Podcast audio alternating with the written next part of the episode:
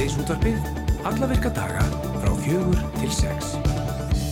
Og það er Andri Freyr Viðarsson og Rafnildur Haldarsdóttir sem ætla að stýra þættinum til klukkan 6. Já, og það eru auðvitað fréttir gerdagsins þegar niðurstöðu nýra skýslu MAST komið fram.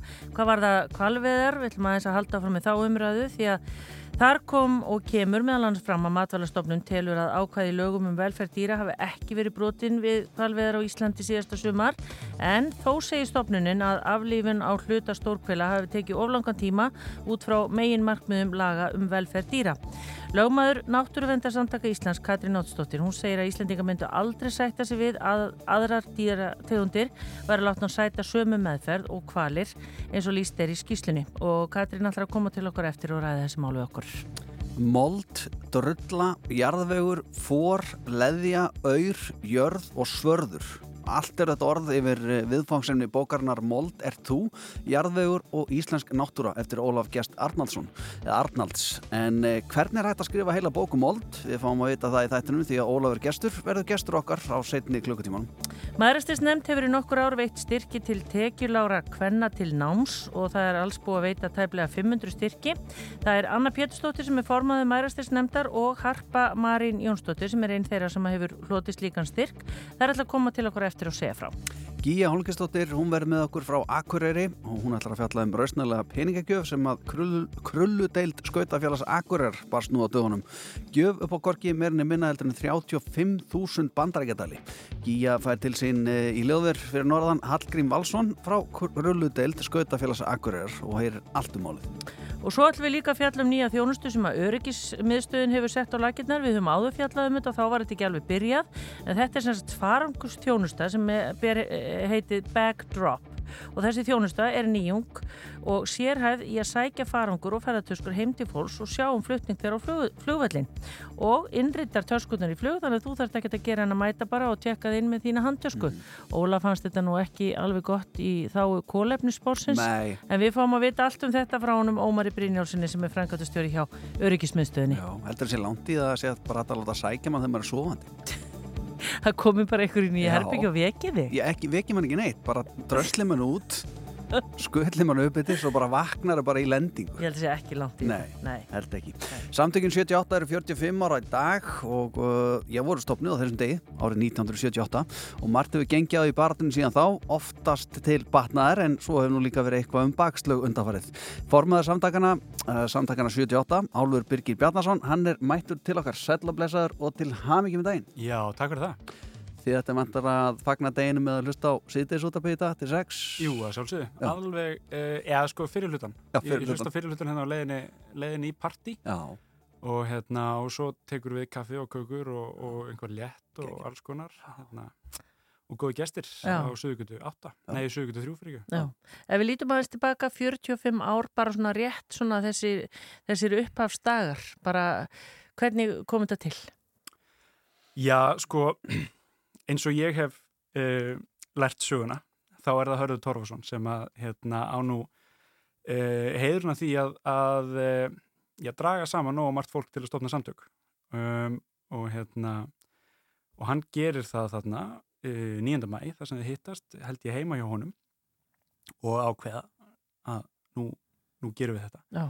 og þar áður hafði hann komið sagt, nokkrum árum áður kemur hann hann fyrstur homma út sem eh, eða eins og kynvillingur eins og hér þá og, og mátti í, bara í segja í ríkisútvarpinu sko, mm -hmm. að hérna kemur út uh, í viðtali í Samuel og hérna og, og verður náttúrulega fyrir miklu aðkasti fyrir það og, og hérna en, en finnur að, að hérna, það þarf að það þarf einhvern veginn að búa til einhvers konar heild, einhver, sam, einhver samfélag þar sem þið geta staðið saman og hérna og það er það sem að samtökun 78 að verða. Og hérna, við alltaf, já svo, svo er afgangunum saga. Já, sem er enn en í gangi er, já, sem við skrifum enn og, og hérna og ætlum að halda áfram að skrifa alveg, hérna, fram í rauðan döðan Já, hvað, svona helstu verkefni í dag, Menni, þú ert formaður, það er hérna reyginn hérna skrifstofa, þeir eru með heilmikla fræðslu í gangi, hvað þetta er náttúrulega bara eins og þú og þú ert í sjálfbóðalega starfi, er þetta hvað er margi starfsmenn til dæmis? Við erum komið með átta fasta starfsmenn og svo eru 20 mann sem eru í verktækjavinnu svona af og á miss mikið í þá aðla fræðslu og ráðgjöf. Já. Og, og við skiptum starfseminni svona almennt upp í, upp í fjóra hluta og það er e, fræslustarfið það sem við erum með fræslustýru sem að hérna, stýri því og við förum inn í grunnskóla og framhaldsskóla og stofnanir og ræðum við laurugluna og, og fleiri bara það sem við fræðum um fjölbrytileika mannlífsins og hérna og ímislegt inn í skólum er þetta sjálfsög hérna lögða áhersla bara á það við erum ekki alltaf eins og það er í lægi og svo þegar við erum að tala við sérfræðinga þá er þetta hérna öllum dýbri pælingar og, og hérna hvernig gefur maður fram við skjólstæðinga sem eru ódæmagerðir og, og eitthvað sluðis um, svo eru við með ráðgjöfina sem er þá okkur þjónusta við við hins eginn fólki okkar, við samfélagi sjálf þar eru við með félagsáðgjöf og, og fjölskyldum meðferðarfræðinga og, svona uh, fólk sem aðstofar þig ef að, hérna, þú veist ekki hvernig áttu kúndu skápnum eða hvað áttu að gera á barnið eitt uh, hérna, já, segist vera trans eða eitthvað svo leiðis svo eru við með hérna, félagslífið. Félagslífið er svona það rokkar svolítið hérna, kemur upp og neður og, og þú veist við, hérna, við erum með góð böll og er, við kannski erum farin að kalla þetta meira félagslíf og, og menningarstarfsemi þar sem að þetta er hérna það er alls konar, við erum með bókaklúpa og svona.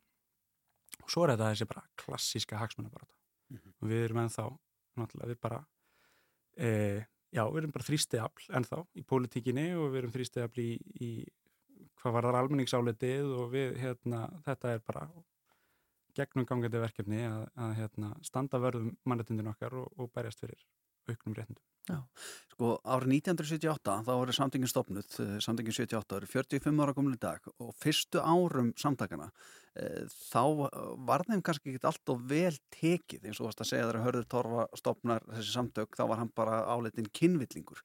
E, hefur það ekki svolítið breyst e, núna svona lítum að síðastlegin ár er þeim ennþá eitthvað staðar illa tekið samtökunum?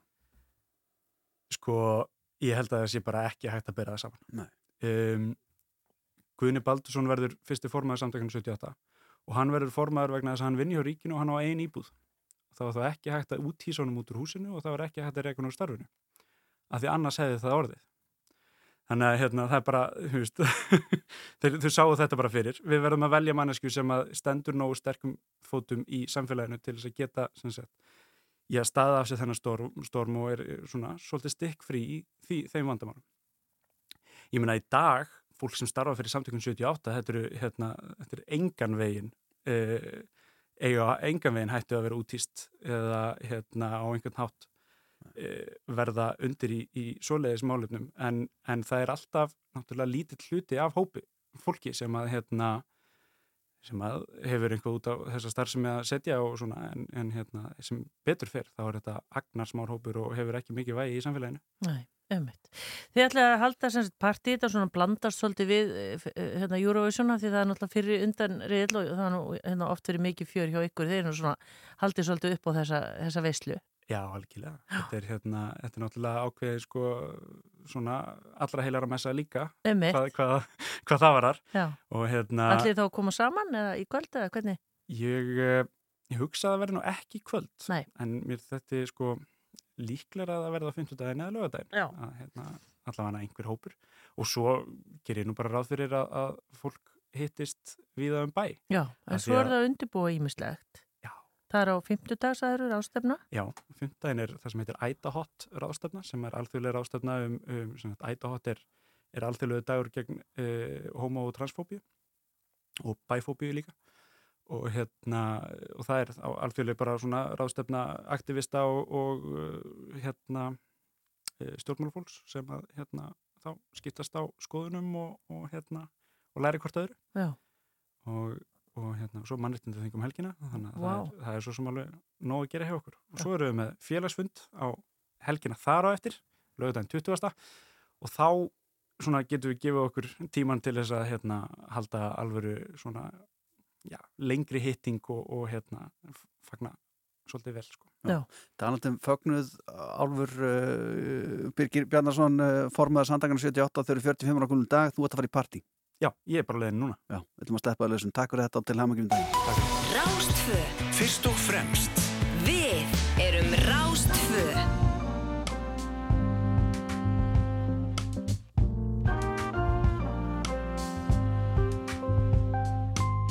Afsakið en mætti ég Fá að ræða létt við húsfrúna af almættinu sendur er Hún þarf að koma staðins út núna. Hún þarf að dilla dilla bara dansa smá. Tætt og trill að fá sér smá í tá það má. Hú það má. Hún fer að verða inn í blóm. Hún er rótföst í inni skóm. En þó börnin séu sjampa fín Hún var í alveg til í kampavín Því hún var eitt sinn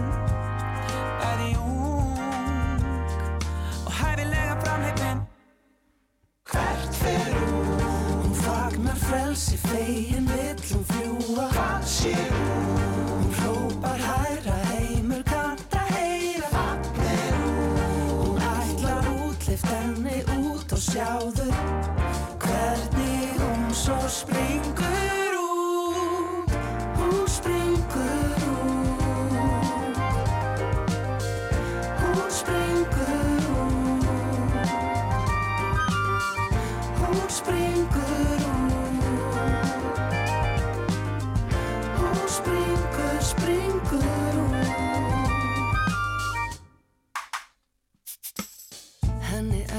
er það þvert um geð. Að horfa heiminn út um rúðugleir Sófa setin ángur vær og búin að vera væru kær en núna er það laus. Og orðin sött af endalausri innirödd Hvert fer hún? Hún fagnar frelsi fegin vill hún fljúa Hvað sé hún? Hún hrópar hæra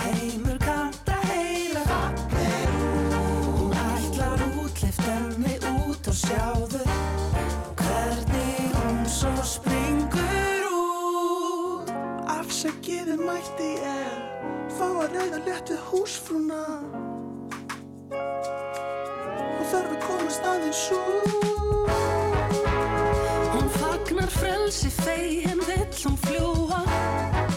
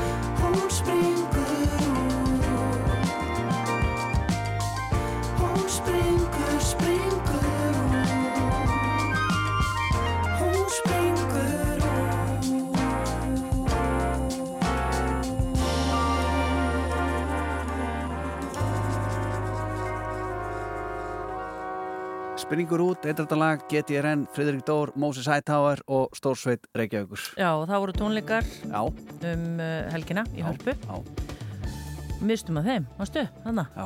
Nei, Ah. nei, nei, ég Nei, veist þessu. nei. En uh, við fjöllum um uh, nýja skýslu Mast í gær hér og töluðum við Sigurstein Másson, ringdum í hann til Greiklands og vorum svona aðeins að reyna að skilja bara hvað kæmi þarna fram í þessari uh, skýslu Mast Uh, og það er aðalega þessi setning þar sem að meðalannars kemur fram að matvælastofnum telur að ákvæði í lögum um velferð dýra hafi ekki verið brotin við kvalveðar á Íslandi síðasta sumar. En þó segir stofnunin að aflífun á hluta stórkvæla hafi tekið oflanga tíma út frá megin markmiðun laga um velferð dýra. Og lögmaður Náttúruvendarsamtaka Íslands Katrín Óttsdóttir, hún segir að Íslandinga myndu aldrei sætta sig við að aðrar dýrategundir væri látna sæta sömu meðferð og kvalir eins og Katrín er hinga komin, velkomin. Takk. Þetta er alveg bara einhvern veginn förðuleg setning með að við hvað hérna, hvað ég voru að segja, yfirheiti skýslunar inniheldur. Já, þetta er mjög svona haldum mér sleftum mér uh, leg uh, nálgun, reyndar sem gerist nú því miður svolítið oft í íslenskri lögfræði að það er svona verið að reyna bæði eitthvað með að undirbyggja einhver ákveðna niðurstöðu og þó svona gefa í skinn að hlutin sé ekki alveg í lægi og það gengur bara ekki alveg upp. Að mínu viti er það algjörlega kýrskýrt að kvalveðar, kvalshf árið 2022 voru í fullkominni andstöðu við lögum velferddýra. Þetta eru frekar nýlög, þetta eru frekar góðlög og þetta eru frekar skýrlög. Já. Og tökum eitt dæmi hérna, ég var að skoða í skýslunni í gær og það kemur fram að eitt dýrið hafi verið skotið sex skuttlum en tveir geiguðu og svo segir erfitt var að sjá vel vegna myrkurs. Já. Akkur er verið að veiða kvali í myrkri á Íslandi um sumar? Einmitt. Þú veist, er þetta ekki bara nóg til þess að við sjáum að það verið að fara á stað gegn þessum dýrum með hætti sem samrýmist augljóslega ekki til dæmis 27. grein laga um velferð dýra sem segir ávald skal staðið að veiðum þannig að það valdi dýrunum sem minnstum sársöka og aflifin þeirra tæki sem skemmsta tíma. Nei, við ætlum að veiða kvali í myrkri. Þetta er bara augljóst og ef einhver, einhver langar í alvörunni til að halda því fram í einhverjum opboslega hérna, miklum stjórnsýslu loftumleikum að þetta sé í lægi og lögin hafi ekki verið brotin að því að kvalviðar séu bara svo villumannslegt aðferð eh, við að veiða dýr og við höfum alltaf gert þetta svona og það sé ekki til betri vopp til að gera þetta enn betur. Þú veist, þá eru bara komin í algjör að ringa vittlisu lögfræðilega. Lögin eru alveg skýr og Þau- það er alveg ljóst fyrir hvern þann sem lesa þessa skýslu og er ekki að reynast nút úr að þarna vera að brjóta á þessum lögum. Já, þú settir í mitt færslu, svo er ég búin að vera að fylgjast aðeins með þér, Katrín, á Facebook, þar sem hún segir hérna, ólétt dýr og fóstur drepin með ómannulegum hætti. Þetta er alveg ógulegt einhvern veginn að, að skoða þetta. Já, það komir svolítið óvart reyndar að þetta hefði ekki verið eitt af því sem var veitt upp úr skýslunni þegar það eru rammin svona aðalatriðin sem framkoma þarna. En það er náttúrulega mikill meirluti dýrana sem eru feld, eru kýr, þess að kvennkynstýr. Og af þessum dýrum, það voru 11 dýr ólétt. Ég veit ekki alveg hvað maður segir um dýr. Já, Þunguð, þungaðir kvalir. eitthvað svo leis, já, Já. Uh, og þessi fóstur sem eru þarna e, veit þá með móðurdýrinu eru komin tvo þriðju af fæðingarstærðsinni, þeir eru orðin mjög lífvænleg og þau skinnfærin þeir eru tilbúin svo framvegis, sem því það að þessi dýr falla líka undir lögum velferð dýra. Þannig að allt það sem er gert við móðurdýrið er verið að gera við þetta fóstur líka. Og svo sjáum við þess að myndina sem er verið að búta í sundur þessa kvala skeppnur og draga þessi fóstur sem eru kannski 6 metrar lengt út úr þeim og eftir einhverjum plönum og það, það þarf ekkit að vera eitthvað svona sérstaklega þróið mannvera til að átta sig á því að þetta er bara gjörsamlega óbóðlegt og hvað þá að við Íslandika séum að gera okkur þetta sem þjóð. Afleðingarna sem þetta hefur á okkar orspor, nú er verið að fjalla um þetta erlendis, Guardian er búin að fjalla um þetta. Það er rétt að byrja, sko þessi undiralda sem er í gangi núna varandi kvalveðar Íslandinga, hún er í engu samhengi við það sem við höfum séð áður held ég. Það eru alþjóðlega lögfræði fyrirtæki sem vilja slast með okkur í svo för. Það eru sko einhverjir, ég ætla bara að leiða mér að segja, misklikkaðir aktivistar eins og Paul Watson að fara að koma til landsins og, og, og vera með eitthvað hafari hérna sem að gagnast engum. Þú veist, og það er enginn hér á þessu landi held ég sem vill fara að stillis upp með, sem einhver svona við gegn þeim. Íslandingarnir reyna að berjast fyrir sínu sjálfstæðar til að drepa dýr með óvillimannslegum hætti og látum ekki útlendinga segja okkur eitt en eitt um það. Veist, þessi rauk eru bara orðin rosa umguna verð þegar við erum stödd á árinu 2023 og viljum bara gera það sem er rétt og viljum bara sína það að við getum framfyllt okkar eigin lögum og vinstir græn eru í bílstjórasætinu núna. Það á að vera mikið happ fyrir þessi dýr. Já, Svandís hefur látið uh, hafa það eftir sér að þetta sé bara óseint, það sé ekki hægt að grípa inn í núna. Já, þetta er bara lögfræðilega kolránt og það verður farið yfir það með hann og fundi á morgunvonandi sem við erum að fara að hitta hana á. En þú veist, það er bara alveg skýrt og kannski þarf bara að segja þig eitt skipti opbóðslega hægt í útvarp allra landsmanna. Leifi til kvalveða sem kvalur HF notar til að stunda þessar villimannslegu veiðar sínar er bundið skilurðum. Skilurinn eru meðal annars þau að dýrin verði aflifur samstundis eða með skjótum hætti og hætti er. Skísna sínir að það var ekki gert. Í sama leifi segir að ráþeirann megi stoppa þau, svifta þau uh, þessu leifi og, og að það sé algjörlega skýrt að hún hafi ákvörðunarvaldi um það. Hjá þessari ábyrg getur Svandís ekki skotið sér og hún verður bara hreinlega að, að sætta sig við það að þetta er hennar ákvörðun að taka. Við báðum um, hana, um þessa ákvörðun 14. mars, við höfum ekki ennþá fengið formlega svar við því hver ákvörðunum verður. Ég heyrði rétt eins og þú að hún saði í fjölmjölum í gæra að hún gæti ekkert gert, hennar, hennar hendur verið bundnar. Þá er hún bara að fá afskaplega slæm og lögfræðilega ráðgjöf hjá sínu ráðanetti og þarf bara aðeins að sittst niður, skóla máli betur og taka síðan nýja ákvörðun. Þú minnist á uh, þróaða manneskur sem að uh, hljóta sjá það að þetta er uh, með öllu ránt að draga þarna út uh, fóstur úr kvalnum 6 metra langt og eftir einhverju plani. Uh, svo kemur líka fram með þetta að, að þetta á ekki að vera eitthvað svona við á móti þeim, þetta er okkar réttur og ég veit ekki hvað hérna. Svo sem maður hérna þegar mannlíf byrtir uh, frétt á Facebook síðunni sinni og uh, spyr hérna einfallega hvað segja lesendur, er nöðslut að skjóta á?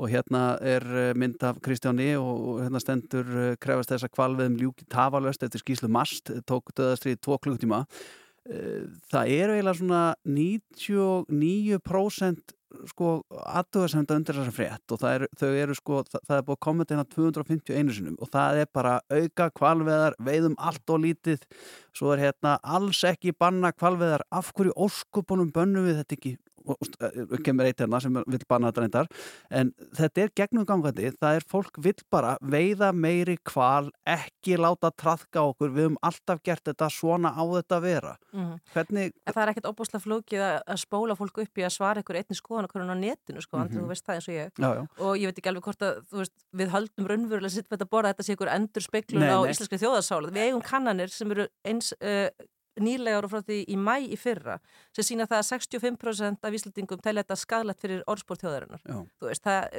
það að 65% mæti ekki hægt að kommenti á mannlíf nei, skiptir einhver máli, nei, nei. þetta er bara svona sem en þetta er. En er þetta ekki samt þjóðasálinn? Er hún ekki svona einhvern veginn bara Nei, nei, en það er auðvitað hluti, hluti af fólkinu í þessu landi telur að þetta sé bara bóðlegt að við ættum mhm. bara að halda áfram að veða þessi dýr og þetta sé partur á okkar í etti og svona, en ég held að, og nú er ég búin að reyna að hlera fólk sem er þessara skoðunar og skilja af hverju þeim finnst þetta, því við þurfum að eiga í vitrænu samtali, það þurfir ekki að segja bara þau eru öll vittlust, það er bara alls ekki þannig. Mm. bara fullt af einhverju frábæri liði sem telur þetta sé ekki hugmynd. Mm -hmm. fæn, reynum þá að skilja af hverju. Og þá þegar maður fer að spurja, hvað er það sem þér finnst að vera góð hugmynd við kvalviðar þá raun og veru þegar búið að skræla laukin þá er þetta eitthvað svona, það má ekki segja okkur að hætti okkur, við ráðum okkur sjálf. Og það er ósað ríkt í íslenski þjóðarsál. En ef við getum tekið ákvörðunina algjörlega kalda, bara komið að þessu og bara spurt, hver græðir á því að við veiðum þessi dýr kannski Kristján Loftsson, kannski þeir sem hafa atvinna að þessu, en augljóslega eru rosalega margir viðskiptalegir hagsmunir gegn þessu líka.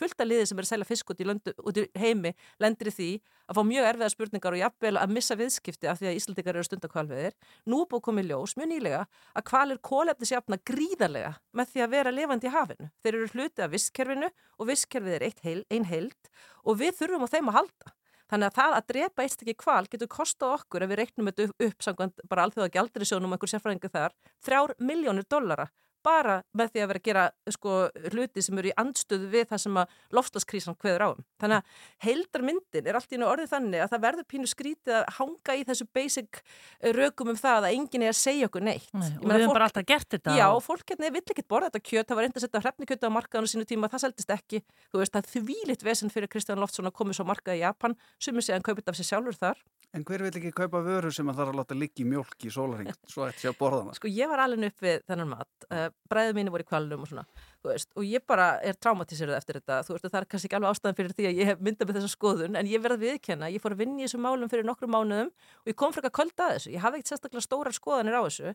en þegar ég fór að kynna mér þetta og fór að skoða allir þess að mismöndi vinkla, siðfræðivinkilin, uh, lofslagsvinkilin, dýravendunarvinkilin, lögfræðivinkilin og svo framvegis, þá er þetta bara algjörlega borlegjandi. Og núna þessi skísla. Og núna þessi skísla og þá hugsa maður ef ekki nú þá hvenar og ég bara skora svandi sig, hún er toppgæla ég skora á hana að taka hugrakka ákvörðun hún getur það alveg. Já, þið ætlið að hérna, ég vil að hugsa já, hvað er það að segja, er hægt að draga Íslenska ríkið já, já, já, það er hægt að gera svo margt sko, en það er líka bara hægt að klára þetta og laga þetta áður en allt fyrir fjandans. Og það er rétta niðurstaðan í þessu.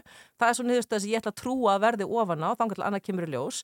En sé það í alverðinu ætlunin að fá hérna fram uh, skýslu sem sýnir svart og hvítu að, að, að þessi dýranýð í bóði Íslenska ríkisins í gangi og það hafi engar þær afleðingar sem við búumst við að, að þessi stoppaði, að minnst kosti gert allt sem hægt er til að stoppa þetta, þá er það skelvilegt fordæmi. Og það getur valdið því að fólk eins og Kristján Lofsson segir nú, ég á bara réttmæta væntingar og það að fá að veiða kval alveg saman hvað kemur út þessu eftirliti. Og til hvers er við þá að dæla pinningum í eftirlit ef það hefur engar afleðingar, Já. að því eftirlit án afleðinga er tilgáslust og það er það sem er hættan á að gerist núna. Og það er ekkert að segja setna varð allt í nú rosalega mikil meiklar afleðingar af þessari skýslu, það verður að gerast núna til þess að við sjáum að það sé til einhvers að, að fara í þessi vinnu. Og hvenar er fundurinn ykkur á morgun? Er hún búin að segja já? Svandís? Já, já, hún ætlar að mæta um Svandís. Uh, klukkan 11 fyrir málið ætlum við að eiga sumfund með ráðanitinu og ég vona bara að þar verður hlusta. Það eru mjög sterk lögfræðilegur rauk fyrir því að binda enda á þetta áður en þessi verðtíð hefst. Ég veit alveg að þessi grjótfreki kall fyrir kannski eitthvað bótamáli eða eitthvað en samkvæmt því sem ég hef séð þá eru þessir ásökningar hans þannig að hann á ekki sérstaklega sterkar kröfu á Íslika ríkið og okkar hagsmunar því að binda enda á þetta fjáraslega, siðfyrirlega og orðspórslega eru miklu, miklu ríkari. Sjáum hvað setur eftir morgundaginn. Katrín Ottsdóttir, uh, lögmaður Náttúruvenda Samtaka Íslands. Takk fyrir komna. Takk. Býða eins. Ertu búin að taka eitthvað í niður við sem þú komst þetta síðast? Nei, það eru komin Það var að vera að pása þetta á milli 14. desember er síðasti dagurinn sem að nefntobak fór inn í mitt nefn Yes. til hamingi. Þú ert að hlusta á síðdeis útvarpið Á Rástvö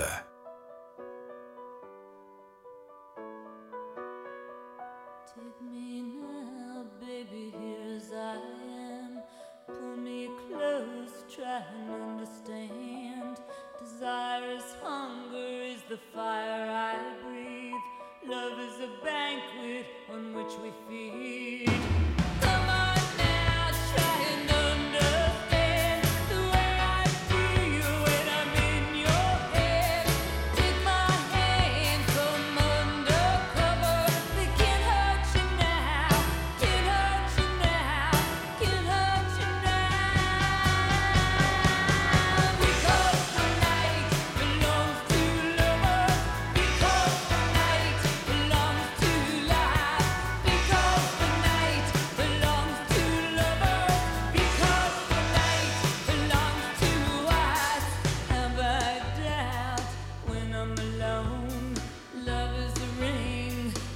Telephone.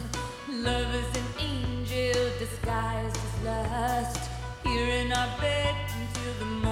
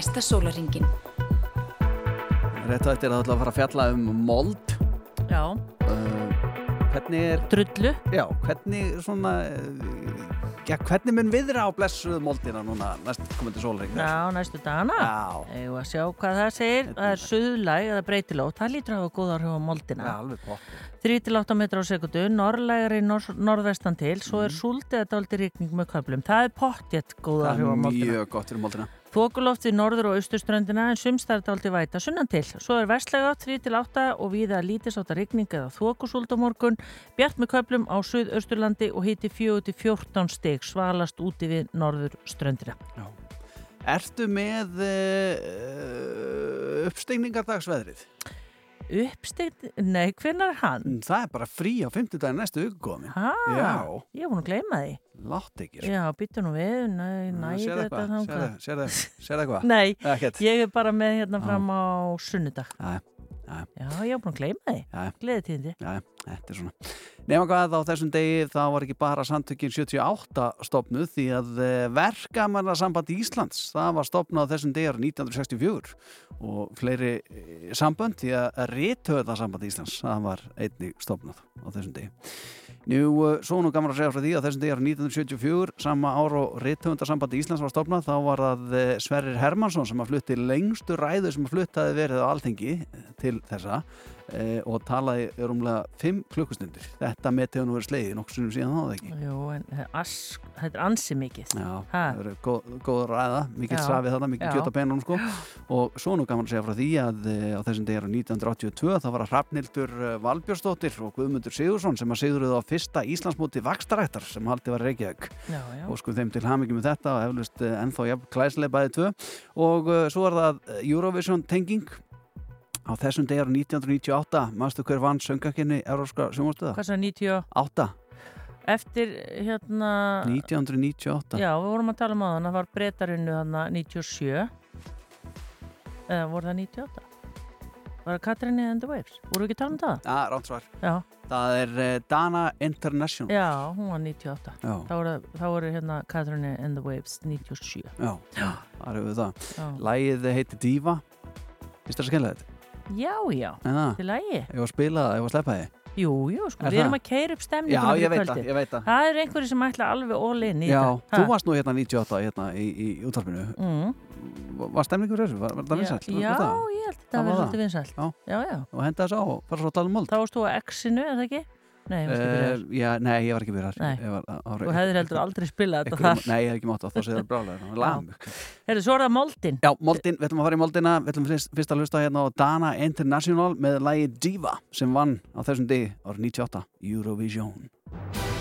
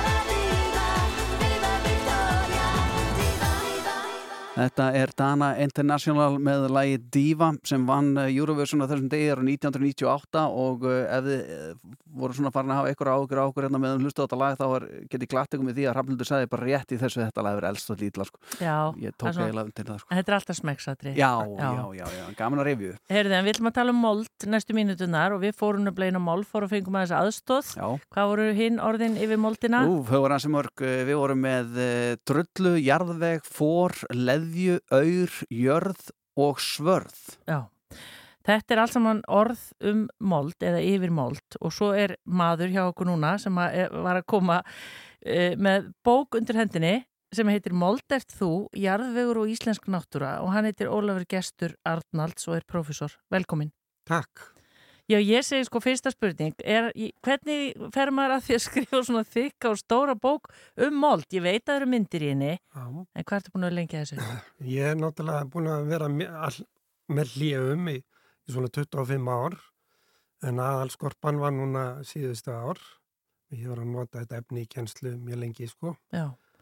En, En hva, bara moldin er svo merkileg og það er að skrifa svo mikið um hana og það, sko, þetta er, hún er 2,1 kíló en það var að skrifa svo mikið, mikið, mikið meira sko. Við, við, við, þetta er það sem að fæðar okkur á klæðir, við vöxum upp á moldinni, við förum aftur ofan í hana og, og svo er bara allt þetta í kringum uh, sko, fæðuframleysluna, hrun, vistkerfa, jarðar, hlínun, jarðar og kólefni í andrúsloftinu, hrun líf bjö- breytileikans og allt þetta, allt moldin miðla þessu öllu saman. Þannig að þetta er ekki bara um moldina nákvæmlega hvað ég er og að hún er svona merkileg og með tillit til að geta geimt vatn og næringu og allt það sem að við sækjum svo til að, til að lifa. Þetta eru svona rosalega misjafni karakterar sem að þróast í moldinni og, og ég var að leika mér að hann kom hérna niður eftir sko að Rafnildur væri með það sem myndum kalla alfisol sem væri svolítið svona þroskuð mold en, en með mikið potensial en samt sko búin að læra margt og, og þarf kannski ekki samt mikla aðstóð til að verða einhverju. Ég væri hins vegar últisól sem að væri svona svolítið komið yfir fjallan og það þarf svona kannski mikið að hressa upp, upp á mig með ábyrði og, og hjálp til að fá eitthvað gott út úr í sko. En Andri er eldfjallegurinn Yes. sem er við höfum á Íslandi alveg klárlega. Yep. Það er frjóasta moldin í heiminum og það sem er á Íslandi og, og ákala fjörbuleitileg og svona fjörumold sko. það, það, það er, hún er er svo kvik vandamála í vísu er en hann vandar stundu samlóðum þannig vill fara svolítið út um allt er eitthvað sem að Hrafnildur kannski kannast við sko. En hérna öll, öll, öll vilju samt vera eldfjallajörð. Já. þetta er sem sagt punkturinn að sá við erum að afskaplega merkilega hann jarfi á Íslandi. Ég er svo fegin og það er ekki að ég væri drulla. Það er bara mjög kátið með þetta sko. En sko á þessum 25 árum sem þú búin að að skrifa þessa bók hefur moldin hérna á Íslandi breyst eitthvað á þessum tíma? Nei, sko, það sem hún fær að vera í friði og er, eh, það sem er náttúrulega vistkerfi þá, þá er hún í ringrás og breytist lítið en þróast þó. En við erum með svo mikið rask á Íslandi og það er svo mikið að okkar mál torfið að hafa út. Mest af því sem að gatt fókið og runnið auðveldar, það er farið. Við erum búin að missa mjög stóran hlut af okkar auðlind bara í burtu upp í andrumslöftið og, og hafa út. En það sem er verið að gera eitthvað, það þróast moldin ört og, og getur orðið frjó. Og hérna, það er nú þannig með sem sagt moldina, ung mold sem að þróast og þessi mold sem við græðum upp til dæmis, hún verður mjög frjó. Alveg eins og með ma- manninn sko, það er fótboltamenn er búinir um 30 og jarðvegurinn er búin við 30.000 ára eða 300.000 ára en við erum sko þessa þessu ungu talenta hérna í moldinni okkur. Já, en hvaða hættur eru það sem sagt aðrar en sko, þú ert að alveg að tala um landfók, er það ekki? Eru við einhvern nátt búin að svona, hvað ég voru að segja, hefta það? Eru við að standa okkur nú vel? Við höfum stöðvað margt af alveglustu jarfiðsegingun í Íslandi og það gerði landgarslan sem er elsta jarfiðsvindastofnun á, á, í heiminum, mjög merkilegt starf. Þannig að, að það er margt mjög gott en hins vegar þau kerfi sem höfum, við erum með mjög mikið við erum með mjög mikið af visskerfi með mjög nýgnuða ástandi og uh, þannig að þar er óskaplega mikið verk að vinna og við erum ennþá að, að því miður að nýðast á því landi sem að verst er sett við eins og Ómar Ragnarsson kallaði það, líkt þessu við alkoholista sko sem þýrt að fara í meðferðin en þeir fá bara, fá ekki friðinn og eru þarna úti og verða að nýðast á þeim ennþá. Já.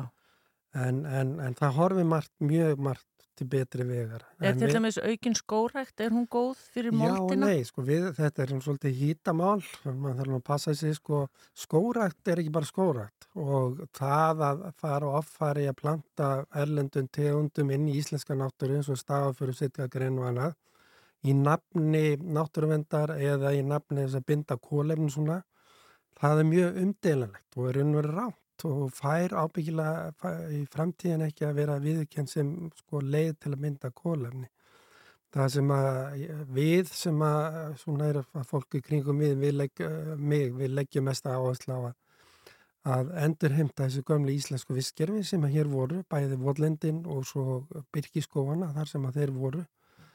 Og við erum alveg ótrúlega möguleika í því samhengi Já.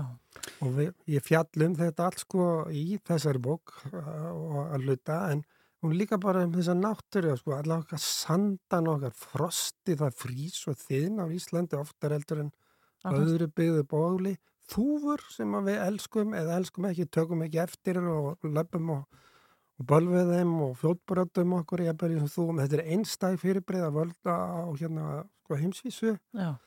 Þannig að ég er svona að draga fram mjög margt í íslenskari náttúru sem að, sem að kannski almenningur er ekkit að veita sem aðdegli. Nei. Sko, nú er ég að passa kaktus fyrir frængu mína og uh, það gekk nú ekki betur en svo að kötturinn stökk upp í glugga, hent honum niður þannig að það brotnaði potturinn og mold út um allt og svona, ég reyksaði þetta upp en rætunar halda í eitthvað smá mold. Og ég er alltaf á leiðin að fara upp í blómabúð að kaupa mold. Já, og svo hugsaði bara um helgina er nei, ég er nú ekki að fara að kaupa mold. Ég get bara að fara út í garð og moka þess maður mold og setja í pottin er það ekki alveg að góð mold og mold sem maður kaupir í búð? það fer eftir hvernig mold út með í garðinu, sko. Það er þessi mold sem ekkert er að selja og nei. þessi, þessi innlenda mold. Ég kaupa aldrei útlenska mold. Uh, hún er náttúrulega sérstaklega ætluð fyrir ræktun en kannski ekki endilega sko kaktusinn. Hvaðan kemur kaktusinn? Hann kemur eðmörkunum og hvað er sem einkennir sandeðmörkunum? Það er sandur og ófrjómold og ekkert rosalega lífræn Já, sem að þessi mold sem við kaupum í búðinu til að rækta blómun okkar eru. Svo að þú, þú getur þess vegna að fara í sandkassan Mm, og ok. sko, fengið bara fí út af því. það var lán í ólan þetta var kaktus Já, klárlega, klárlega. Það voru að passa því betur næst. já, Ólafur, hefur þú trú á því að þessi bók sem er náttúrulega bara eiginlega dóðrandur uh, þetta, er- þetta er, ég meina þetta hendar alla, þetta er ekki bara fyrir þá sem eru að spá í eða náttúruvísinda fólk eða eitthvað slíkt. Nei, það var markmið. Þetta er, þetta er bók sem fer bara allir sem áhuga á náttúrunni, hvort sem eru að mentaskóla aldri eða háskólafólki eða almenningur með áhuga á náttúrunni. Þetta er skrifað fyrir það og kaplaskiptingin er þannig líka að það virkið svolítið laung, það er líka út af öllum þessum myndum. Það er ekki hægt að útskýra náttúrunum nefnir myndum en kaplaskiptingin er þannig að maður getur gripið inn í það sem maður mestan áhuga á og svo er vísað fram og tilbaka ef að þess er þörf. Þannig, já, hún er klárlega fyrir alla sem hafa áhrif á einhverju landsins. Já, Andri, ég ætla að lesa þetta fyrir þau fyrir í ferðalagi hérna síðdeis útvarpið á húsbílnum. ég bara getur henni ekki beðið Já, en til hamingi með þennan, þessa frábæru og flottu bók uh, Ólafur Gestur Arnalds og bara, já, gangið vel. Þakka þið fyrir.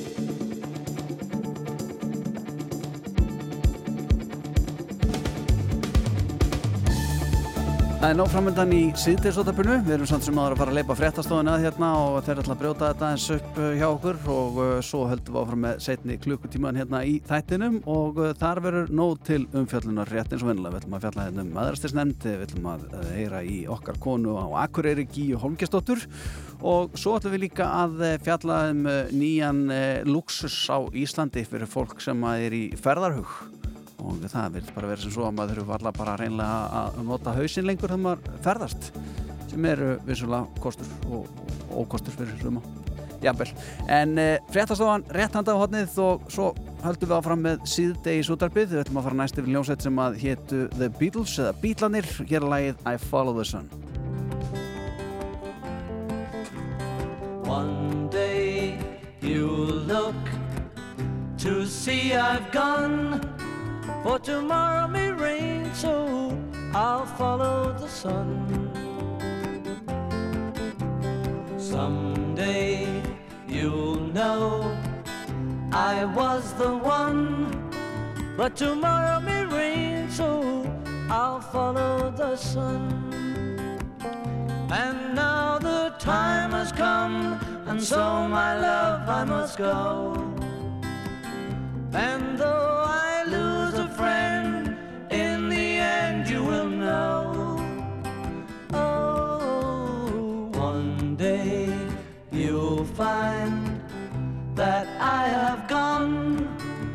tomorrow may rain, so I'll follow the sun.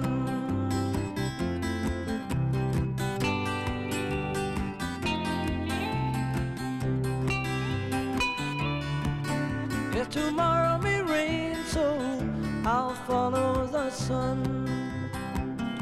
And now the time has come, and so my love I must go. And though I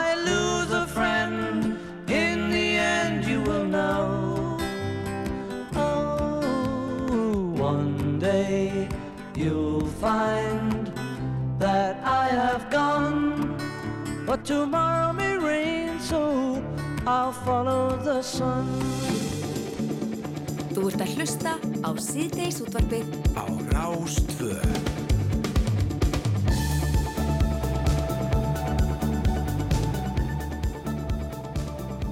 Veistu hvað dagur er á sunnudaginn, Andri? Maðuradagurinn. Hvernig vissur það? Heldur ég veit ekki að þessi maðuradagur á sundaginn? Já, það er maðuradagurinn. Átt ekki svona. Eh, og svona í kringum hann eða jafnvel já, þeir nota hérna minnir okkur á það að maðuristisnefnd Reykjavíkur hefur uh, í nokkur ár styrt konur, uh, tekjulágar konur og mæður til náms.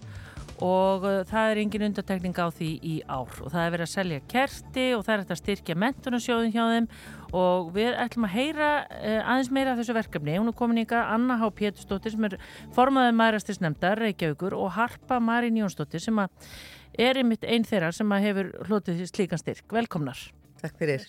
Ef við byrjum á, á hérna svona, hvað ég segja, umfanginu, hvað er þið búin að gera þetta í mörg ár? Sko, mentunarsjóðum maðurastisnefndar var stopnaður árið 2012 og síðan þá erum við búin að veita 465 styrki til um, um 300 kvenna sem er náttúrulega bara alveg frábært því að við erum búin að hjálpa mjög mörgum konum að komast bara út úr fátakaræðir gildurinn, gildurinn með því að fá sér vinnu og, og, og hérna, klára að metta sig. Það er fá alveg styrk, sko, það er ekki bara eitt ára eitthvað svo leiðis, heldur alveg frá bara að byrja í skólunum og þannig að það er búin að útskrifast. En þú eru náttúrulega alltaf að sanna að það er síðan að ná prófunum. Já. Þannig að þannig virkar það. Þegar að vel tekst til hjá maðurum sem að þykja styrkin og, og klára námið Já. og koma sér bara uh, rækilega fyrir eitthvað eh, þá lítur þetta að vera mjög gefandi að láta svona styrk frá sér. Það er bara óbúslega mikið gefandi, ofsalega gaman. Þetta er einna verkefni sem að ég sem formaður maðurastisnefndar er mjög stolt af og bara alveg ótrúlegt. Já, og er, þetta- er þetta bundið einhverju ákveðnu námi eða hvernig? Nei, nei. Það er, uh, hérna, þú getur verið í mentaskóla, klárað hann, farið svo í háskóla, klárað hann, meina, og verið að styrka allan tíman. Já. Ef, að- ef, að- ef að þú stendur þið þar að segja. Uh, Harpa Marín Jónsdóttir, þú ert einn þeirra hefnu sem að hlust slíkan styrk. Er Já. þetta til að segja okkur aðeins svona þína sögu? Sko, ég er 21 árs þegar ég eignast stráki minn og bara, ég var búið með eitthvað örlítið í mentaskólinn, ég var ekki minna nefn svona mentaskóla gráðu, uh, verð bara fljótlega atvinnulegs eftir ég klára fæðingarulof. Og ég sá akkurat eins og hann að segja, fram á að festast þar og festast í ykkur fátakargildu. Svo var bara tilvöljum sem ég sé grein í fréttablaðinu. Það sem við, það er við stelpur sem hafi fengið styrk og farið í nám og klára námið. Og þá er henni það hvetið mig til að sækja um. Já. Uh, ég var styrkt þegar ég hafði núna í nokkur skipti allavega uh, og kláraði meðal hans frum greinadeldina í HR uh, og er svo búin að vera núna uh, að vinna í því að klára viðskiptafræði en hann náði bara með hjálp þegar að koma mér þar á það góð staðan í lífinu að hann geta þetta sjálf Já. og bara hafa trúa mér til að geta þetta sjálf og hann En skrefið að þykja svona styrk og sækja um hann, er það, er það stort? Það er frekarstoft. Um, það er ekki óyfirstíganlegt og mér finnst skipta svo miklu máli að móttökuna séu færð. Þegar þú hefur samt við þér, þegar þú er byrjuð hjá þeim sér styrkdegi, þær gerir þetta svo ótrúlega auðvelt og þægilegt. Af því að það er náttúrulega um, kannski smá skrítið einhvern veginn að fara, fá, þennan, fá þessu upphæð veist, og er skrítið bara stökk í lífinu yfir höfuð að fara kannski frá að vera ómentuð og ekki að vinnumarkaði yfir það að hellaður út í eitthvað nám en ég hef alltaf staðið við það að það sem var best við þetta allt saman var bara stuðningurinn og aðhaldið og bara móttökuna sem maður fekk strax þegar maður byrjaði á mætti. Magna, e, það hljóta, þetta hlýtur að vera svo styrku sem er mjög eftirsótur á maðuratisnend. Já, mest verið með yfir 70 konur eitt árið og það var, það er, það er rosalega mikið og það er erfitt líka að fjármagna þetta þá. Já, hvernig gerir þið það? Við bara byggðum til fólks. Já. Já, fyrirtækja og, og almennings að hérna, styrkja okkur og það er alltaf að fara inn á heimasíðina og, og hérna, styrkja mentunasjóðin. Þannig að það er bara sérmert hjá ykkur í maðurastisnefnd sem að gera náttúrulega svo margt annað gott líka að það er bara... Það, þetta er alveg, þetta er sér, sér sjóður, alveg sér sko, það sér stjórn Já. í mentunasjónum. Mm -hmm. Ég er svo eina sem er líka í maðurastisnefnd og í mentunasjónum skiluði, í stjórn. Já, og, og, og, og svona, nú eru kannski einhverjar uh, mæður hann út að hlusta núna sem hugsa, ok, þetta er ekki verið mig, en mm. í hvaða boks þurfa þeir að tekka til að geta sótum? Þær þurfa að vera tekilávar og þær þurfa að sína fram á það með því að senda okkur skattframtalið þegar að sækjum og svo oft skrifa þær söguna sína sem er mjög gott, þá, þá skilum maður svo miklu meira mm -hmm. og uh, Við erum með ákveði viðmið bara sem við notum frá umbásmanni skulda, skuldara sko. Það er mjög öðvelt og gerum það líka hjá maðurastir snemt það sama viðmið mm. og ég, ég held að við hefum aldrei sagt nei út af því að það var oftekið hár, aldrei. Mm. En eigið þið nóg til að styrkja? Við erum alltaf, það var alltaf að fara að ganga á þetta hjá okkur núna þannig að við þurfum að fá smá meira fjár, fjármagn. Já, og hvernig ætlaði að gera? Ætlaði að... Við erum bara núna að selja þessi kerti. Hvernig kerti? Þetta eru leyniskilabóða kerti og við erum búin að vera með þetta í nokkur ár og það eru mjög skemmtilegt því að maður kvækjar á kertinu og svo brennur það niður og þá koma leyniskilabóð no. og maður getur valið um nokkra, nokkra, hérna, nokkur skilabóð. Við erum með ný skilabóða hverju ári og í ár eh, uppljóstur því að morgun hver, verður, hver skilabóðin verða og hver hérna, valdi þau. Já. þannig að við verðum með lítið bóð hjá maðurastis nefnda morgun til þess að uppljóstra því en, en eru þið svo ferðinni til að selja kertin eða er það er náttúrulega alltaf hægt að koma til maðurastis nefnda að kaupa kerti. Hvað er það? Er hún er í hátunu, við erum í hátunum 12 Já.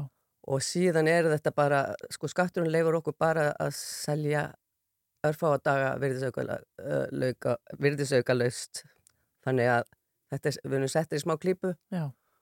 og en, en þetta er núna vonast, svona í kringum maður já, þetta er alltaf í kringum maður. Að daginn sem við erum að selja ykkur að vöru til þess að fjára blaða já, þannig ef fólk sér ykkur já. í kringlunni eða einhver stað endilega stoppa og kaupa flott kerti fyrir maður að daginn en, en, en hinn er sem að missa því það er þá hægt að fara bara inn á heimasíðun ykkar og styrkja þetta verkefni já, sko, við myndum ekki senda það heima, langt best að ringja og koma. Já. Mm. Og svo náttúrulega uh, það fólk að núti sem á fyrirtæki sem er að hugsa með sér er, ok, við erum búin að græða svo svakalega mikið ára, við veitum ekki hvað um að gera á þennan pening, þá getur þið náttúrulega bara komið sér fyrir hjá ykkur. Jó.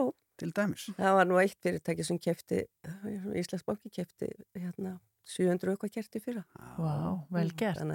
Harpa, þú, um já, Harpa Marín Jónsdóttir, áttu ykkur svona loka orð fyrir konu sem er að hlusta og langar eitthvað neina gera svipa og þú gerir?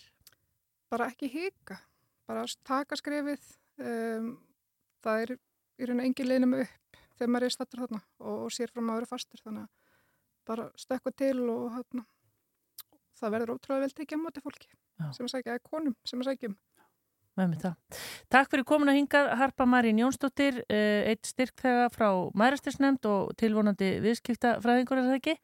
Og, og hérna Anna Há Pétursdóttir formaði Mærastirsnefndar Takk fyrir komina Takk fyrir. okkur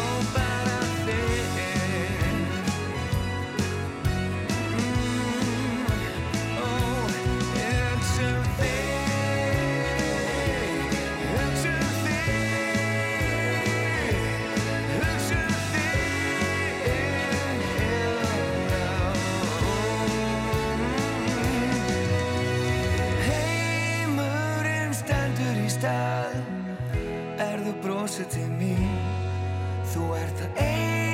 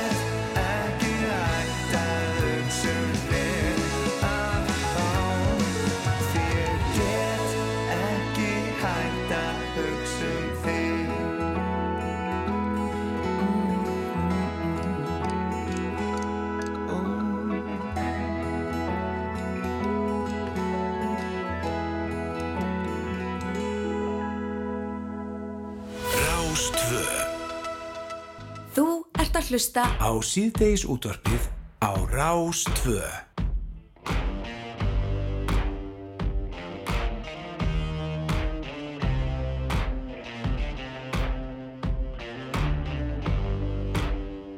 Hérna rétt eftir þetta að senda boltan norður á Akureyri þar sem að okkar kona Gíja Holmgjastóttir tekur við honum og gera eitthvað gott.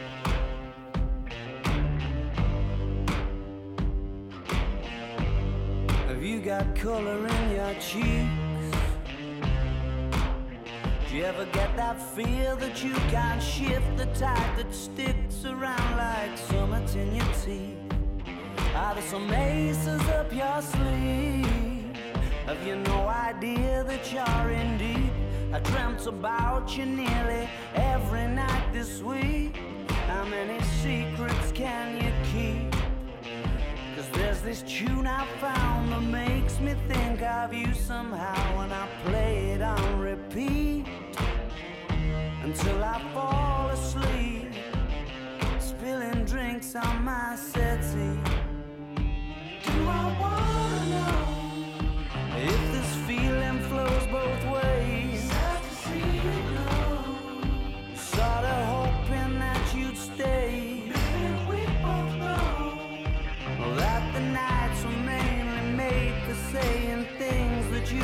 say tomorrow day. Crawling back to you. Never thought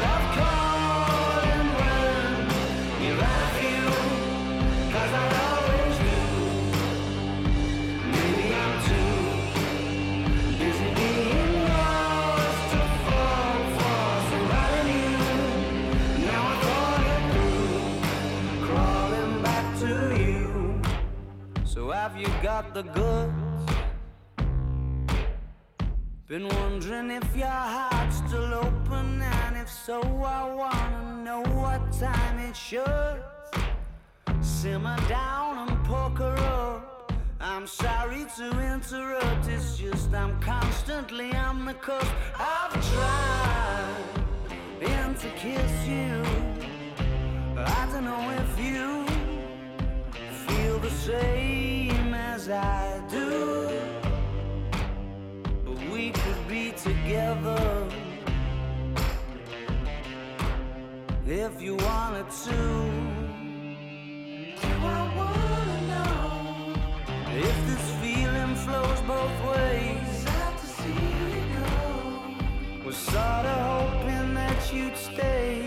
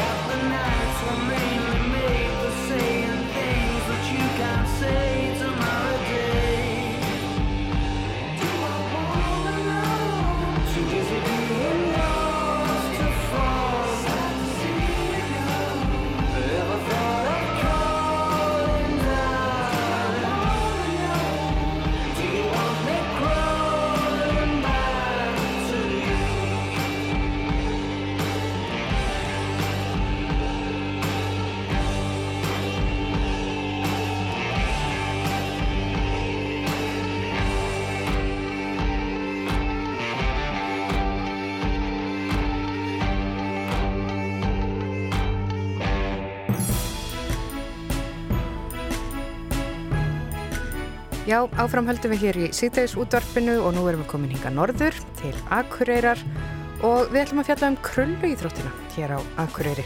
En í gær byrtist mjög svo áhugaverð umfjöllun hjá staðarmiðlunum akureyri.net að krullu deildinni hjá Skautafélag Akureyrar hafi borist höfðingleg gjöf frá henni bandarisku Gwen Kræló sem hefur verið verið tíður gestur á árlegum krullumótum sem að krulludeildin hefur haldið í gegnum árin og núna á síðasta móti sem var haldið ekki fyrir svo lengu síðan þá tilkynnti hún Gwen að hún ætlaði að gefa krulludeildinni rausnalega peningagjöf Korki meira nýminna en 35.000 bandaríkjadalir sem eru um 5 miljónir íslenskra króna. En áður en við forvittnumst aðeins um þessa konu og þessa gjöf þá ætla ég aðeins að segja ykkur frá krulluíþróttinni hér á Íslandi. Hér á Akureyri þá stunda 25-30 manns íþróttina en það er takmarkaðu tími á skautasöllinu sem að deildin fær sem að hamlar einmitt frekar uppbyggingu og fjölkun yðganda. Krulludildin fær skautasvellið bara einu sinni viku og þá í takmarkaðan tíma. Og svo að höfuborgarsvæðinu þar er engin starfsemi, búnaðurinn er vissulega til en íþróttin fær einmitt engan tíma á svelli. Þannig að staða krullu íþróttinnar hér á landi er ekki svo sterk. En áhugin á íþróttinni verðist enga að síðum mikill og þau hér hjá krulludeldinni á Akureyri þau fá ótal fyrirspurnir frá fyrirtækjum, vinahópum, einstaklingum sem að vilja mitt prófa krullu íþróttina sér til skemmtunar og þá komum við einmitt aftur á þessari rausnalegu peningagjöf sem henn bandaríska Gwen gaf á dögunum og við ætlum aðeins að velta fyrir okkur hvaða áhrif svona gjöf getur haft á stöðu krullunar hér á Akureyri og bara á Íslandi. Og hingaði komin í hljóðverið til mín Hallgrímur Valsson, hann situr í stjórn Krulludeildar Skautafélags Akureyrar og var einu sinni formaður og hann getur sagt mér allt um þetta. Veldu velkomin, Hallgrímur. Takk. Þessi kona, bandariska kona sem ætlar að gefa Krulludeildinni, uh, já þessar stóru fjárhæðir, hvað kemur til? Já, þetta byrjaði raun og veru í fyrstu heimsókn hennar ásamt þeirra með vinkonu sínum árið 2004 þá koma það sérstaklega á krullumót. Þetta krullumót er síðan sérstaklega 20 ára núna í ár. En þær koma hann á 2004 og, og þeim list voðalega vel á þetta allt saman og koma síðan aftur bara ár eftir ár. Mm. og þegar eru búin að koma held ég þrís og sinnum þá kallar hún okkur til sín og, og vil ánofn okkur 5.000 dólarum Er það ekki meira? Það er 35.000. Já, þetta er fyrir, þetta er sko 2005 sko. Já, já, já, já, þetta er 2005, Já, já. Og, og hérna síðan líða held ég tvö ár og þá, þá talar hún aftur við okkur og, og þá hækkar hún upp að henni upp í 10.000 og síðan líða nokkur ár og hún er búin að koma sérst nýju sinnum og kemur sérst í tíunda skipti núna hún hefur ekki komið síðan 2015 og ég er nú með þetta bref sem, að, sem er sérst stimplað af einhverju lagfræðistofu og, og er sérst vottunum það að hún, hún ánafni okkur þessa 10.000 dollara Mm. og þegar ég frétta að hún væri að koma núna þá var ég nú bara eiginlega að hugsa um svona hvort ég ætti ekki að ræða við hana bara og, og skilin þessu brefi, þetta verði aldrei neitt hérna Já. en, en svíðan kallar hún okkur til á fund og, og segir, heyrðu, ég er með, með tilkynningu ég ætla, ég ætla að vera með tilkynningu núna í lokahófinu og allt í læg með það og, og svo kemur hún og í lokahófinu og tilkynni þess að upp að 35.000 dólara sko Já. Ná, hún er ekkert hægt Nei, hún ætla bara að hækka hún sig. ætla, hún ætla bara að halda áfram sko. hún, hún sagt stopnaði einhvern sjóð Já. á sínum tíma og hann hefur bara vaksið síðan og síðan tjáða mér þegar ég hitt hann áður um fór að það er tveir aðilar ellendir komið til hennar og spurt hana hvar þeir gætu lagt eitthvað til Já, já, þannig að það er vilja fleiri Já, já, setja það það aukna fjárhæði í hennar sjóð. Já, já, allir nema hverjar bær Allir nema akkuröpar, já. en þessi kona, Já, svona aðeins að henni, hver er þessi kona? Hún lítur nú að vera, hafa er- svolítið af peningum allavega. já, já hún á, á samt manni sínum eh, hérna fyrirtæki í bandaríkjunum í Boston og uh, þetta er rekstur einhver svona málmbræðsla eða eitthvað slíkt sko Já. uh, hún er sjálf búin að vera mjög mikið í sérsagt krullu heiminum í bandaríkjum, hún var sérsagt fósetti annars sambandsins í bandaríkjunum í nokkur ár og það er einmitt ástæðan fyrir því hún kom ekki þessi síðustu ár var það bara hún var svo upptekinn í, í sínum formensku störfum sko Já, já, já. En, en hérna, já, já, hún, hún á öruglega eitthvað að örum sko Já, eitthvað auður og, og, og, og líkar vel Já. við Ísland og Íslands já, já, heimsóknirnar. já, já, og, og þetta fólk sem er að koma til okkar, þetta er mjög, þetta er mjög dýrmætir hérna, túristar því að þeir eru að fara hér í skóaböðum, jarböðin og bjórböðin og all þessi böð sem eru hérna á kvalaskoðun og ég veit ekki hvað og hvað og allt þetta fólk er á bílulegu bílum og þannig að þetta er fólk sem eigðir fullt af peningum sko. Mm Sko, þið haldið þessi krullumót, Já. þau eru uh, alþjóðleg hér. Já, sko, þetta er raun og veru ekki mót á vegum alþjóðarsambansins eða Nei. neitt slíkt. Þetta er raun og veru bara svona skemmtimót Mm. þar sem við bjóðum erlendum líðum að koma. Þetta er í lok Já. tímabilsins og eini tímin sem við fáum í raun og veru til þess að búa til krullusvell, alvöru krullusvell, því að það er ekki alvöru krullusvell í skautahöllinni. Nei. En við fáum nokkra daga til þess núna í lok tímabils og það tekur okkur svona fjóra daga að búa til alvöru krullusvell fyrir þetta mót. En, en hérna til að hafa það á reynu að þessi peningagjöf, Mm. hún er háð þeim skilirðum að við séum komnir með krullusvell. Það við fáum ekki þessi peninga nema að krullusvelli sé komið upp sko. Já, að, en þá þurfti að byggja sér hús já, þá þarf að byggja sér hús sko. Uh, aðeins sko áhugin fyrir krullunni, uh, þið eru bara með sem sagt, aðgang að skautasvellinni hérna í, í skautahöllinni einu sinni viku, sagðuru. Já. Það tekur tíma að, að undibúa svellið og hitta það þetta. tekur 40 mínútur að undirbúa svelli fyrir, hvern, fyrir hverja já, æfingu sko. Og hvað hafið þið svo þá í ræst? Svo höfum við kvöldið fyrir okkur en við Já. erum yfirleitt bara að spila einn og hálfan tíma sko. Já, út af því að það er nú, já. Já, það er bara ekki meiri tími. Eh, Hvað með bara fólk sem að vil prófa krulluna er mikill áhugi? f- Já, svona- það er tölvöld Mm. mikill áhugi en við bara eins er það hendar, þessi tími hendar ekki öllum og, og sérst á mándaskvöldum en, en hérna við höfum reynd að fá svona auka tíma og lögadögum ef það hefur fallið til og það hefur gengið svona annars slægið sko Já. en, en sé, það er bara fá svell fyrir okkur, það er aðarmáli sko, Mm. þá, þá fjölgar ytkandum og við getum verið með, sérst, krullan býður sérst upp á þa- þetta er, þetta er krakkasport líka og fullorðins og síðan er, er það eru keppnir í hjólastóla krullu Já. sem er mjög spennandi líka fyrir, fyrir fólk í hjólastólum og, uh, og það er náttúrulega uppbyggingin hún gerist í gegnum unlingana Mhm.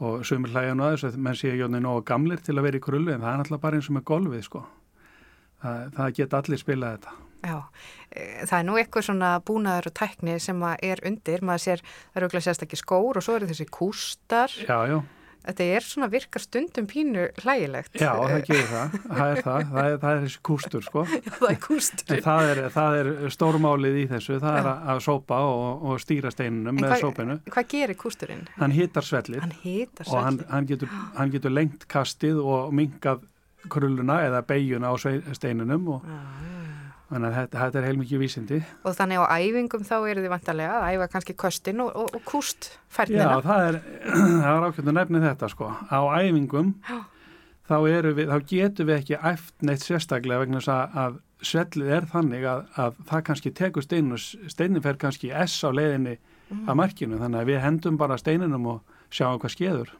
Er það út af því að þetta er er, ekki... það er ekki rétt, það er ekki slétt Já, já, já. Og þó að þið séu búin að já, undirbúa já, svellið. það, er, það, það er ekki nóg Já, það er ekki nóg. Nei, en það er alveg líki latrið að fá bara sér svell fyrir Já. krölluna.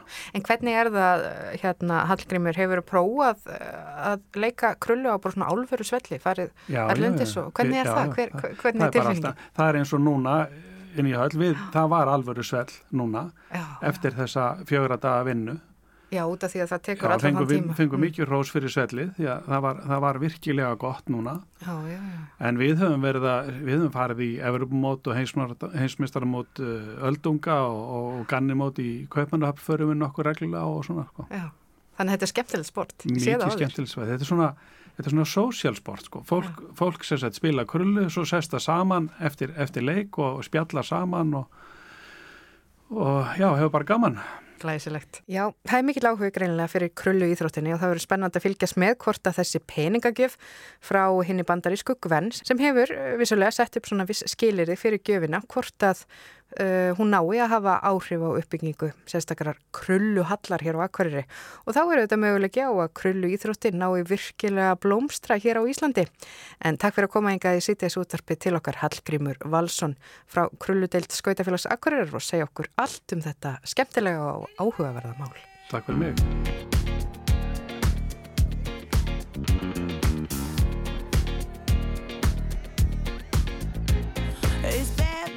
O'clock, it's thick 30.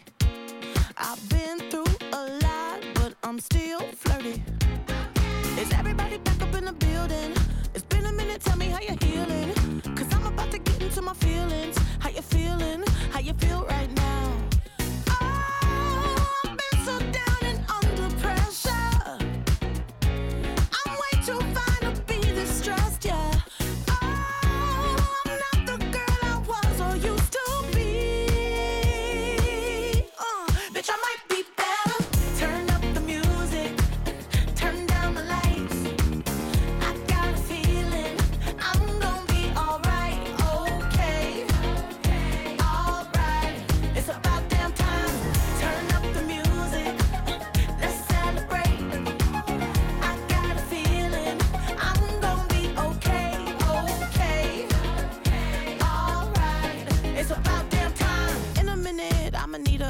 Sentimental man or woman to pump me up. Feeling fussy, walking in my Balenciennes, trying to bring out the fabulous. Cause I give a fuck way, too much. I'ma need like two shots in my cup. Wanna get up, wanna get down. Mm,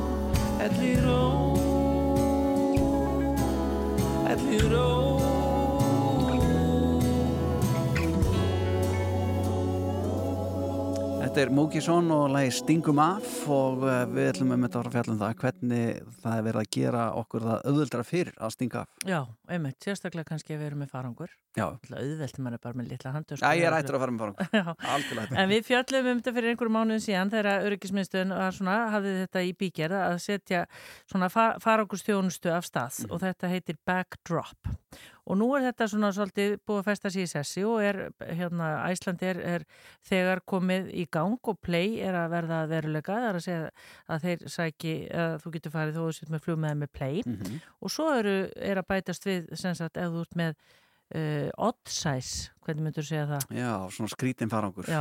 Skrí, skíði, já, golfsett, já, já. gítaratniðinir þú ert að vera tónleikaferðina Ég fer ekki öðru vissi út til lands en að vera með gítarana með mér. Ég veit það. En uh, við ætlum að heyra meira af þessu. Hann er komin í gann Ómar Brynjólfsson sem er frækvæmstöru hjá Öryggismiðstöðinni. Velkomin. Takk Já, svona hvert er þetta komið? Er þetta, er þetta það er búið að pröfu kera þetta eitthvað? Já, já, við erum búin að vera að pröfu að gera þetta með bara frábærum árangri. Og við erum komið þangað að, að getum tekið móti farþegum eh, sem er að ferðast með Æslandi er, hvort sem er til Bandaríkjana eða Evrópu og það hefur bara gefist afskaplega vel. Já, og hvernig virkar þetta? Þetta er raunin virka þannig að þú ferðin á bakdrop.is, bóka er þessa þjónustu um, og við komum einfallega heimtíðin, sækjum töskunar deginum fyrir flug. Uh, þegar þú mætur á svæðið búið innrýtt á töskun og hún komin um borðið vel. Þannig að þú ert að fara ágjörlaus í fríið, bara beint upp í, í vopnuleit og í fríöfnuna og rúlaðir inn á okkur veitikastað Mhm. og hafa það kósi. Já, þannig að þarna er maður að borga mm, nokkra þúsungalla fyrir auka klukkutíma sefni. Já, það má ég alveg segja sem svo. Þetta hendar fyrir fjölskyldur með mikið af farangri, eldri borgara, þeir sem vilja einmitt, sofa eins lengur og meta tíma sinn þannig. Já. En hvað kostar þetta? Herðu, þetta er 7300 fyrsta taska og 1320 næsta taska, þannig að svona meðalverðið er flestir að taka með sér tvær töskur, svona Já. 4000 og, og 400 cirka bótt. Og hvað hérna, og sama hver ég bý? Þetta er í bóði á stór höfuborgarsvæðinu, þannig að þetta einskórangast við það þjónustusvæði. Já. Það var einn sem ég var að spyrja hérna í hátinu hvað, var svona ræðið fólk hvað myndi vilja spyrja, þá var það sko einn sem sagði ég er svo stressu sko munið það nást, verða það er búin að ná í töskuna þar ég að vera heima þá ég ætlaði nú að vera í vinnunni þann dag, hvernig virkar það? Fólk náttúrulega velur sér þann tíma sem það er heima hjá sér. Já. Þannig að það er svolítið frýtt spil ef þú ert heima hjá þér klukkan þrjú eða fjúr þá bara getur við komið þá eða alveg eitthvað langt fram á kvöld. Já, þannig að þið þurfið ekki, er ekki tímabundin að þurfa að vera búin að aðfenda töskuna fyrir ákveðin tíma eða Við hvað? komum alltaf deginu fyrir, Já. þannig að við erum ekki í nefni tímapressu með það. Já. Þannig að Heldur þú, Ómar, að verða eitthvað tíðan hægt í náni framtíð að nýta sér þessa þjónustu með þessum íslensku flugfélögum ef maður er í útlandinu sjálfu? Ef maður kannski í Rafnildur erum í Vestlunarferði í Glasgow eins og við gerum svo ofta og hérna, við erum að fylla alltaf töskur og svo þurfum við að tjekka út á hótelunni fyrir klukkan 11 en flugir ekki fyrir 5 um daginn og við erum í böluðu vesni með þetta. Að, hef, höfum svona yfirleitt skipst á að- vakta töskunar ákveðnum kaffehúsum en hinn aðalinn klárar að vesla en væri það ekki luxus að geta bara sendt upp á völl og þá getum við bara spóka okkur aðeins um saman auðvitað væri það frábær þjónusta Já. og það er náttúrulega þessi þjónusta sem við erum að veita fyrir akkurat öfugt ferðamenn sem eru á Íslandi Já. sem vilja mitt nýta seinasta dægi sinn til einhvers annars heldur en að vaka yfir töskunum sínum á hóteli. Já. Er þetta þá íslensk uppfinninga? Er þetta tíðkast þetta annars þar? Þetta er ekki langt að við komið í Evrópu. Þetta er svona, ég var að segja, við erum svona early adapter á þessu. Þetta er, þessi þjónusta veit ég að það er í bóði til dæmis í Breitlandi Já. og eitthvað byrjuð í Hollandi. Já. En þetta er svona að riðja sér til rúms. Já. Og ég menna í framtíðinni, Ómar, ef þetta gengur vel og hérna að þá hljóta að minga byrðaðarnar. Til þess er náttúrulega leikunum gerður að, að veita farþeganum þann möguleika á því að sleppa byðröð. Það er auðvitað byðraðir viðsvegar á flugvöllum og, og, hérna, og þjónusta sem þessi mingar þær, já, það gerir það. Já, en svo komum við að þessum hérna, stóra farangri sem eru eins og segir, eh, golf, sett, skýði, gítararnir hans andra eða hvað Já. það er, veiðistangir Ja, við tökum alltaf gítarana með Já. okkur Já, og já, já, já. og Þetta eru margir, já, Já, já, en já. hvena byrjar þetta? Þetta lítur að vera svona það mesti Já, ávinningurinn. það er að styttast í það. Já. Við erum að vinna mjög hörðum handum að því að koma því í loftið. og Hvað þýðir það, stittast? Það þýðir að bara núna á næstu vikum ætti það að liggja ljóst fyrir að Já. við getum tekið það. Vitið hvað Mjög. það mun til með, koma til með að kosta? Samaverð. Já, það er bara einingin. Yes. Já. Þannig að við ætlum ekki að hafa þetta flókið. Nei. Við ætlum bara að hafa þetta einfalt. Já. Það verður gaman að þið fyrir næstu Glasgow. Já, en hérna, ég menna þetta hefur líka áhrif á það að fólk kannski fer þá freka með almenningssamgöngum til keflaðugur. Já, við getum, við getum mm, alveg séð það fyrir okkur að þetta sé til þess fallið að fólk nýti sér uh, grætni ferðamáta. Klálega. Mhm. Það hefur verið uh, staði fyrir mörgum að, burðast með töskur í rútur og, og slíkt og auðvitað kemur þetta bara sem í flórunum með það að fólk getur þá raunir látið sækja töskunum sína og, og nota almenningssamgöngu til þess að komast til og frá velli. Já, en er þetta ekki, uh, sko, að því maður hugsaði það er svo mikið eftirlit, það verður alltaf hver og einn að vera með vegabrifið og töskurnar, þetta er alltaf nafni og svona. Mhm. Er þetta ekki, er þetta ekki risa flóki mál?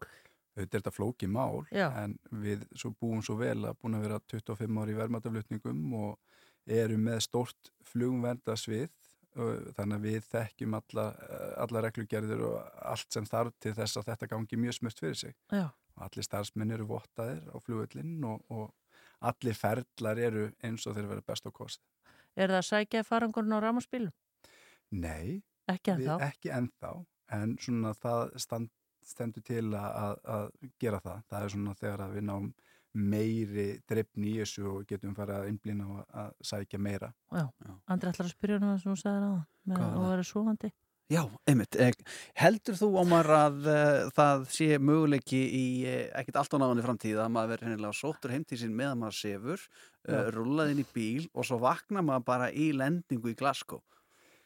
Sko, nú ertu bara eins og kristalskúla. Ég held að þetta gæti verið frábær hugmynd. Ég, ég alveg, get alveg trúa því að eitthvað svona framtaksamur legubílstjóri eða eitthvað gæti alveg fara að bjóða upp á eitthvað slíkt. Sko. Gerfigreindin kemur bara að sækja mig og skuta mig. Gerfigreindi kemur og sækið þig. Og hljóðlátt. Já. Já.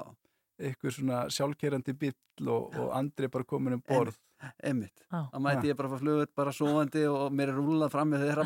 Þú voru bara búin og þú voru samt að vera búin að fara í sturt og klæða Þú þig. í röðinni með odd science luggage eitthvað er að koma þess inn og ég er bara steinsefa sko. Þetta er frábært. Þetta er ekki ekki Já. framtíð.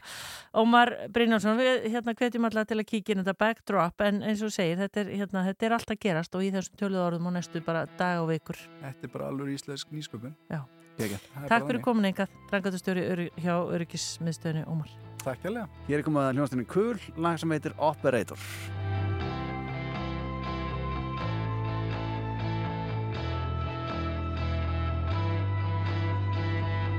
There's something waiting, operator, listen. I wanna break you down, you have to feel it, and it's your decision. I wanna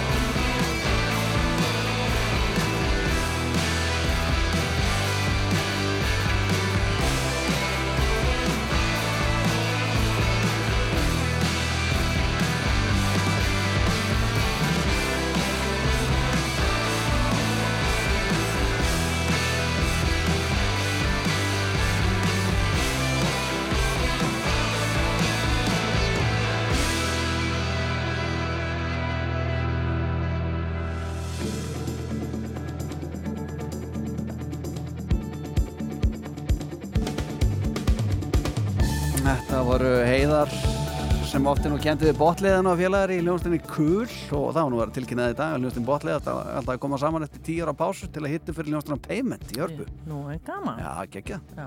Ekki það því, sko. Hvað hérna, ertu búin að allar að gera eðlu á eftir eða hvað allar að gera? Eðlu, segir hún, uh, þá ertu væntarlega að uh, velta þið fyrir hvort að ég ætli að uh, hlusta speilin og borða eðlu.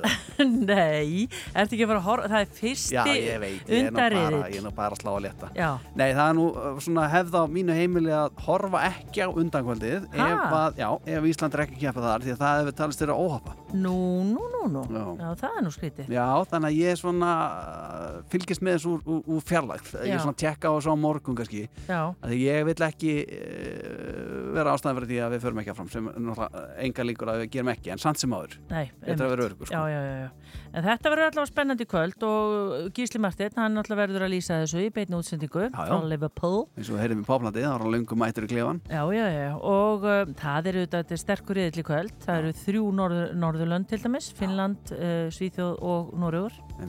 Og það er þessi sænska, henni búið, búið gengi. já, já. Og það er í rauninni þeim öllum. Ég vona að hún vinni ekki. Nei, Að en- Þetta er svona óspennandi ef það verður sko. Já, þetta er að svona svo fyrir. Já. En eðla, hvernig myndur þú, ef þú værir að fara að horfa, hvernig myndur þú gera hana? Já, Já. það er stort spurt. Ég myndi sennilega taka náttúrulega um, rjómástinn, Mhm. smýra hann í botnin, eins og velja. Svo myndi ég fá mér einhverja uh, salsasós sem er sterk. Já. Og jafnvel skera eitthvað aðeins ofan í hana, sko, eins og uh, jalapeno. Aha. Það var kannski aðeins svona sterkari, sko. Já. Jafnvel hafa annan helmingin sterkari. Svo líka hægt að hafa, sko, svona, svona medium salsasósu Já. en hafa alls konar stert gúmilegi í öðrum helminum fyrir þá sem vilja hafa þetta sterkara sko. Hafa já. þá kannski eitthvað svona öðra, öðra tegund hot sauce með og skorið jalapeno og svona svo myndi ég náttúrulega bara uh, smetla ostinum við þetta miklu magni af osti helst tvær tegundir, það er skemmtilegt sko Aha. sem er bara litin að gera sko Vá, kemur ekki bara kokkurinn hann fram. hann er, Jæja. með, hann löngum Já. og svo, jafnvel sko, það er líka gott að setja ofan á piparost Já. mulinn piparost það er gott sko en þú? Já, ég, allavega, ég er ekki með svona mikla svona uh, flug, er ekki bara vennilega en hún er alveg með sömu uppskrift. þú mátt alveg segja ég ætla bara að gera nákvæmlega saman og þú Já, þú mátt það- alveg segja það sko. já, já. En ég ætla hins vegar að hlamma mér í sófun og horfa á þetta í kvöld. Já. Og þetta er lagið sem fólk telur sigur stranglegast. Já. Þetta er Lorín og lagið Húðflúr, eða Tattoo. Og með þessu kveðjum við hér Já. og við verðum áttu með ykkur á morgun. Hanga til, hafa það sem allra best. But baby, we both know this is not our time. It's time to say goodbye until we meet again. Cause this is not the end. It will come a day when we will find a